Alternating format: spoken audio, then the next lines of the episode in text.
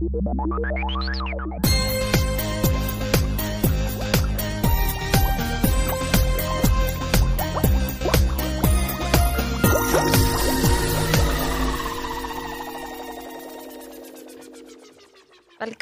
til podkasten vår Rosa vegaglass. I dag er det episode seks, og vi har et nytt og spennende tema. Vi skal snakke om termodynamikk og kinetikk. Ja, og energi. Masse energi. Masse energi, og det er jo Ja, hun sa det var et veldig spennende tema, og mange syns kanskje det er spennende på mange forskjellige måter, da. Spennende om man husker det til eksamen. spennende ja, hvis man er interessert i fysikk, kanskje. Ja, og hvis Ja. du har hatt litt fysikkfag fra før av, så er det her et eh, tema som er veldig artig å fordype seg i, egentlig. Det er det. Og så er det også litt uh, Ja, hva man skal si.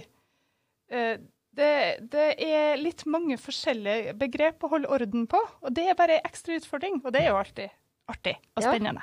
Og så har jeg egentlig funnet ut at det er veldig masse begreper som begynner på E i det kapitlet her. Ja, det er det. Vi har liksom entropi, vi har entalpi, vi har energi, vi har endoterm og eksoterm. Det er ikke måte på hvor mange E-er er det. Nei, det vi kaller E-stoff, eller? Og nesten. nesten. Så hva skal vi lære om i det kapitlet her da, Gro? Ja, si det. Jeg syns jo du egentlig har nevnt veldig mye av de begrepene her allerede. da. Jeg skal prøve da å uh, skille mellom hva er egentlig entalpi, hva er egentlig entropi, hva er eksoterm, hva er endoterm, hva er tilstandsfunksjoner, det høres jo så komplisert ut, og hva er egentlig energi? Hva, hva legger vi i det? Mm. Så vi får bare starte i en ende, tror jeg. Hoppe i det. Hoppe i det. Ja. Vi ser jo på indre energi som summen da av både kinetisk energi, altså hva eh, energi er det som stoffene vi har i et system, drar med seg inn i systemet. Og denne her kinetiske energien, den er jo da eh, veldig linka opp imot aggregattilstand. Du vet at enkelte stoffer, altså enkelte aggregattilstander, er jo mye mer energi enn en andre. Eh, og det så vi i hvert fall i gasskapitlet. Mm. Og så har vi også i tillegg at temperatur begynner å spille virkelig inn her. Så hadde vi den potensielle energien, som handler egentlig om energien i bindingene til stoffene. Hva, hva grunnstoffer er involvert, og hva molekyler i seg sjøl bidrar med av energi. Så alt dette her summerer opp den her indre energien. Så har vi også det her med entropi, som egentlig handler om rot. ja, det gjør det, altså. Det handler om eh, grad av orden, eller grad av uorden, alt ettersom. Så hvis du tenker på et skikkelig rotete rom i huset, så er det faktisk helt naturlig prosess. Fordi at eh, vi, universet går mot stadig mer uorden. Og hvis vi tror på the big bang, da, at vi var en eller annen materie en eller annen gang som eksploderte og blir slengt utover, så går eh, planetene bare lenger og lenger vekk fra hverandre, skulle jeg si. Og det blir større og større uorden. Så entropien i universet totalt sett er økende. Men vi kan gå litt mer inn på det etter hvert, da, fordi at eh, jeg tenker det kan være litt greit å først bli ferdig med det her eh, energibegrepa.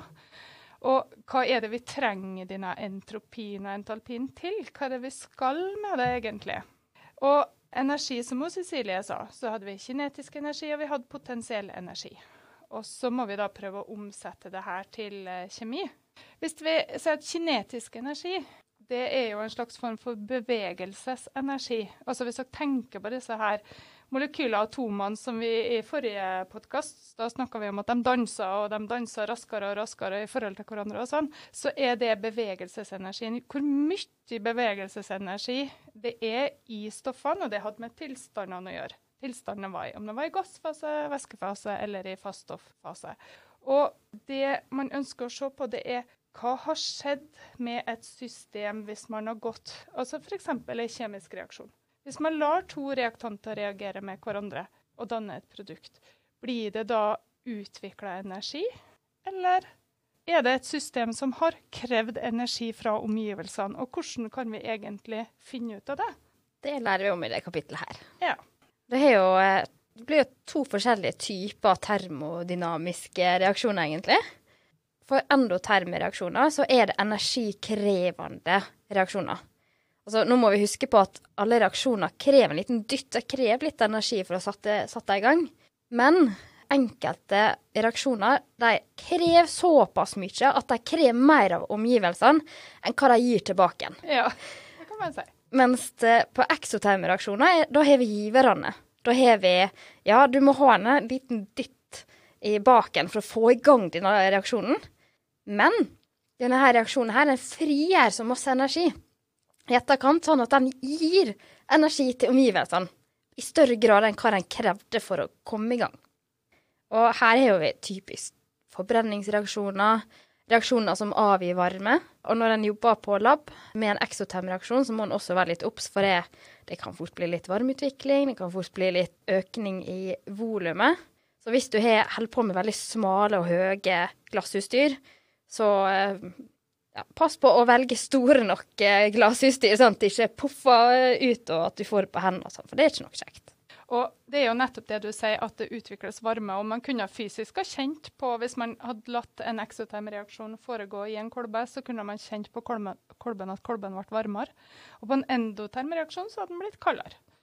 Og jeg synes, sånn som Endoterme reaksjoner er et veldig godt eksempel der. Det er isposer. Hvis man skader seg i idretten, og så får man tak i en ispose, man slår litt på den, eller vrir den, eller hva man gjør, for å få i gang reaksjonen, og så blir den iskald. Og det er en sånn typisk endotermreaksjon.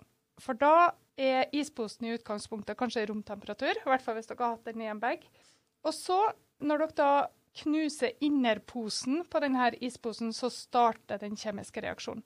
Og den reaksjonen her, når den er endoterm, så krever den varme fra omgivelsene, og det stjeler den fra romtemperaturen som er i isposen. Det betyr at omgivelsene blir kaldere, og da blir den iskald. Og det kjenner dere egentlig fysisk. Og det er en sånn klassisk endoterm reaksjon. Eksoterm, da vil det utvikles varme. Og hvis dere prøver dere på å helle vann i ei konsentrert syre, f.eks. Don't do this at home.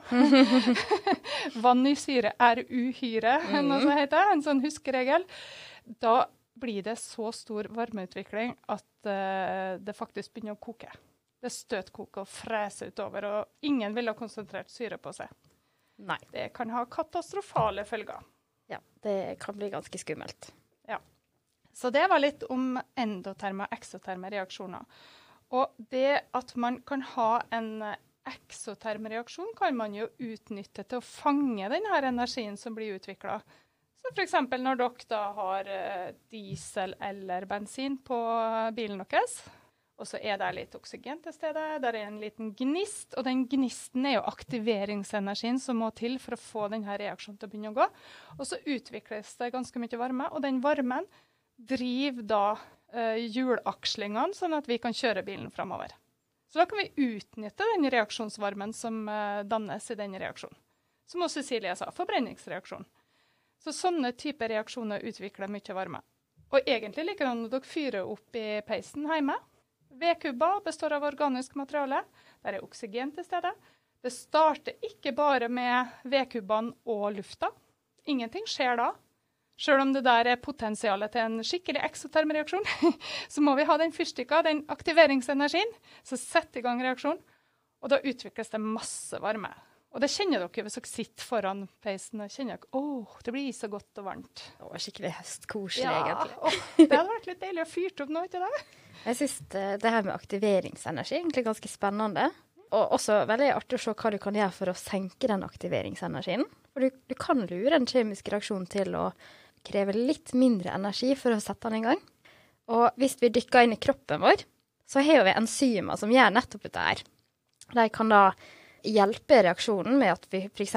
binder de to reaktantene i dag. Og så stiller de veldig fort opp, sånn at de krever mindre energi for å å, å klare å treffes i rett vinkel og i rett uh, form, sånn at det, reaksjonen bare skjer med én gang. Og, og, det her er jo noe som er veldig artig å utnytte, egentlig. Nå er jeg jo veldig glad i enzymer, da. Litt av en middels. ja.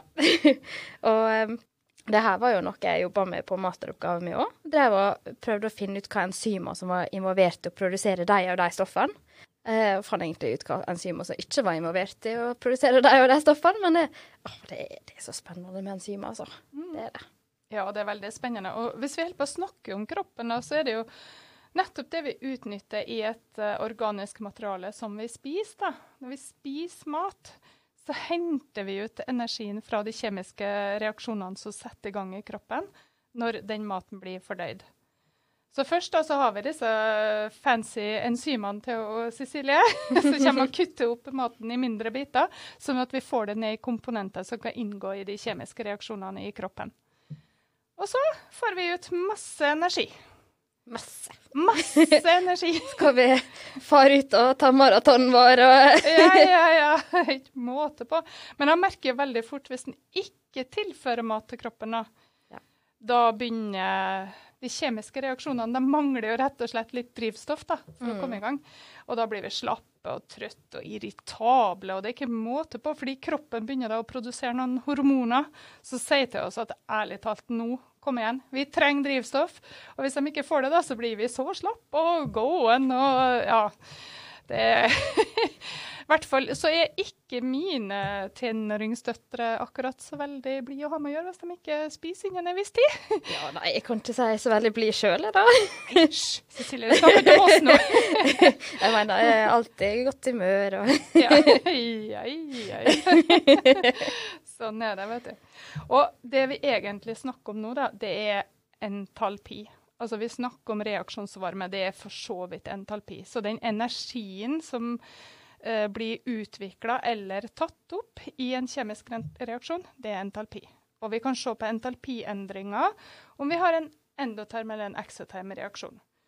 Noen av dere skal regne på det her, noen skal ikke regne på det her. Det er litt etter hva type fag dere tar i høst. Men uh, uansett da, så er det entalpiendringer sier noe om reaksjonen er endoterm eller exoterm, og hvor mye energi som eventuelt blir utvikla eller tatt opp i reaksjonen. Så det er egentlig entalpi. Reaksjonsvarme, rett og slett. mm. energi. Energi. Det Energi går igjen i egentlig hele kapitlet her. Ja. Og vi har jo en alternativ måte å regne energi på. Kanskje du kan eh, skal, skal vi tørre å gå på kalori, eh, kalorier? Hva er kalori? Hvordan regner du kalorier? Ja, sant. Altså, har ikke dere mange ganger lurt på det? Altså, hvordan kan det være sånn at én sjokolade gir oss 200 kalorier, og en andre en gir oss 300 kalorier? Og hvordan fant de ut det, da? Satt de virkelig og regna på alle de molekylene som var i den sjokoladen, for å finne ut hvor mange bindinger som ble brutt, og hvor mange bindinger som ble gjendannet? Det tror jeg ikke. det tror jeg er blitt litt avansert. Men da finnes det noe som heter kalometri. Nå er jo ikke det egentlig pensum for noen av dere, da, men hvis dere lurer på det, så finnes det F.eks. et bombekalorimeter. Det høres jo litt sånn wow, hva det er for noe? da? Er det en sånn hydrogenbombe som smeller, eller hva er det? Bombe sjokolade. Ja, altså, bombe sjokoladen. Men det er bare uh, egentlig et kammer med fast volum, som du da kan legge matvaren du ønsker å finne ut av uh, kaloriinnholdet på, inni. Og så er det rett og slett hvor mye energi som går med til å forraske prøven. Det gir, eh, Pluss temperaturmåling gir egentlig ut kaloriinnholdet i, eh, i eh, denne reaksjonen. Da. Og det er det samme som minus varmen til reaksjonen, altså entalpiendringer. da. Så øh, man kan rett og slett bruke instrumenter til å finne ut hvor mye kalorier det er i så og så mange gram av en eller annen matvare. da. For raske prøver, hva det betyr egentlig? Det betyr egentlig å brenne den til den blir til aske. Mm. Så det kommer egentlig av eh, ordet. Tilføre så mye varme da, at den blir omdanna til aske. For aske. Et Rett og slett. Det Så vi forraska sjokoladen. overraska. Så vi forraska sjokoladen for å finne ut hvor mange kalorier vi har. Ja, det gjør vi rett og slett. I et bombekalorimeter. Bombekalorimeter, ja. Ja, ja, ja. Finnes bare muligheter. Ja. Det her er med andre ord et veldig spennende kapittel. Ja. Nå har vi jo snakka om entalpi og om endoterme, eksoterme reaksjoner. Og entalpi er egentlig bare en tilstandsfunksjon. Og et tilstandsfunksjon er egentlig et litt vanskelig begrep, så det kan være litt greit å forklare det òg. For uh, det forteller bare tilstand før reaksjonen starta, og tilstand etter reaksjonen har skjedd. Det vil si at eh, vi vet ikke hvordan stoffet har kommet seg fra den ene tilstanden til det andre. Så hvordan var det den sjokoladen gikk fra å være en fast sjokolade til å gi ut så og så masse energi i kroppen vår i en kjemisk reaksjon? Og så veien dit vet ikke vi noe om. Det eneste vi vet noe om, det er verdien ved slutt kontra det den var ved start. Så i mine timer da, så kom jeg med et eksempel at hvis du hadde to tvillingbrødre som hadde null kroner i banken, og etter en måned så hadde de én million kroner i banken, kunne du da anta at begge to hadde arva f.eks. én million kroner av en gammel onkel? Og så antar man at de har gjort det på akkurat samme måte i og med at de hadde samme utgangspunkt, og endte opp med det samme målet. Men så viste det seg ved nærmere undersøkelser så hadde den ene vunnet på flakslodd, den andre hadde gått og rana en bank. så veien fram var forskjellig. Så det må dere tenke på at uh, entalpi er bare tilstandsfunksjon. Sier ingenting om hvor mange reaksjoner, hvor mange bindinger som brytes, hvor mange bindinger som gjendannes. Så to forskjellige stoffer kan få akkurat samme entalpiendring, sjøl om det er helt forskjellige reaksjoner som har foregått. da. Det kan være greit å ta med på veien. Mm. Og at den endringa, det er den vi bedømmer om du får en eksoterme eller endoterme reaksjon. Ja. Og vi har jo noe som vi kaller langsomme karbohydrater, vi har hurtige karbohydrater vi Komplekse har alle, karbohydrater. Komplekse karbohydrater, sånn, ja. Og det handler jo om at noen stoffer F.eks. ren sjokolade. Det er jo skikkelig poff og en smell, og vi får høy blodsukkerstigning. Og det bare sånn Helt til gått en halvtime, da. Ja. Så var blodsukkeret lavere enn det noen gang har vært før. Eh, da har vi de raske karbohydratene. Ja. Og så har vi noe som heter langsomme karbohydrater. Da, da er det kanskje energien ut er kanskje den samme fra den kjemiske metabolske reaksjonen i kroppen. Men det tar lengre tid å nå målet med noen reaksjoner enn de andre. Det er vanskeligere å komme til egentlig karbohydratmolekylet? Ja, det er det. Og det, det er kompleks. Altså, da er det på en måte kanskje danna inn i et kompleks, sånn at det må via, via, via for å få tak i det, rett og mm. slett. Mm. Det er lukka inn i andre molekyl. Et stor knute av et molekyl, nærmest. Det ja. Med forgreininger gjerne. og ja. ja nei, det, det, er ikke lett å få tak i det, og det gjør at det rett og slett varer lenger i kroppen vår. Ja, det gjør det. Så f.eks. jernet vårt, som er lagra i hemoglobin, det er jo da innpakka inni dette hemoglobinmolekylet. Det sitter liksom i midten der. Og når vi trenger det, da, så må det pakkes ut, og så få tak i det. Mm. Ja. Veldig fascinerende kroppen, altså. Ja. Kjemien i kroppen. Kjemien, ja. ja. Så, så, her hører du bare hvor viktig det er å kan noe om kjemi. Ja. Det, det, er ikke bare poff og smell på lobben. Det liksom det, det, handler om alt fra, fra, det som skjer inni kroppene våre, til eh, ja, det som skjer ute i verdensrommet. Ja. Og tenk det at Hvis at vi kikker på en person vi er forelska i, så kan hjertet vårt begynne å slå litt ekstra. Det skjer noe med de kjemiske reaksjonene, det skjer noe med energien vår i kroppen. Bare med å se på noen, er ikke det litt fascinerende? Ja. Hvor tar vi den energien ifra, da? Mange... Bare med å se på noen, liksom. Da spiser vi jo ikke engang. så hvor mange, hvor mange, kalorier forbruker vi da? Hvis vi ser på noen og er kjempeforelska og ikke vet helt hvilken fot vi skal stå på, og hjertet bare dunker, og vi er røde i toppen og sånn. Hvor henter vi energien fra da? Hva er det en slags kjemisk prosess, da? Interessant. Veldig interessant. Ja, Kanskje noen har forska på det? Jeg tror det. da. Ja, det tror jeg. Ja. Men det var kanskje ikke tema for den her. Nei, nei, nei. Nå, nå, nå, er vi helt ute. Nå er vi helt på viddene. og koser oss. ja. og så var det den entropien som vi begynte litt å snakke om. Entropi er jo som sagt grad av orden eller grad av uorden, og hvorfor må vi vite noe om det? Og det er i hvert fall en tilstandsfunksjon. Altså det er på en måte ikke er jo egentlig ingenting. Det handler jo bare om hvor mye system det er i kaoset. Og øh, liksom, hva, hva, skal vi egentlig med det? Og vite noe om det.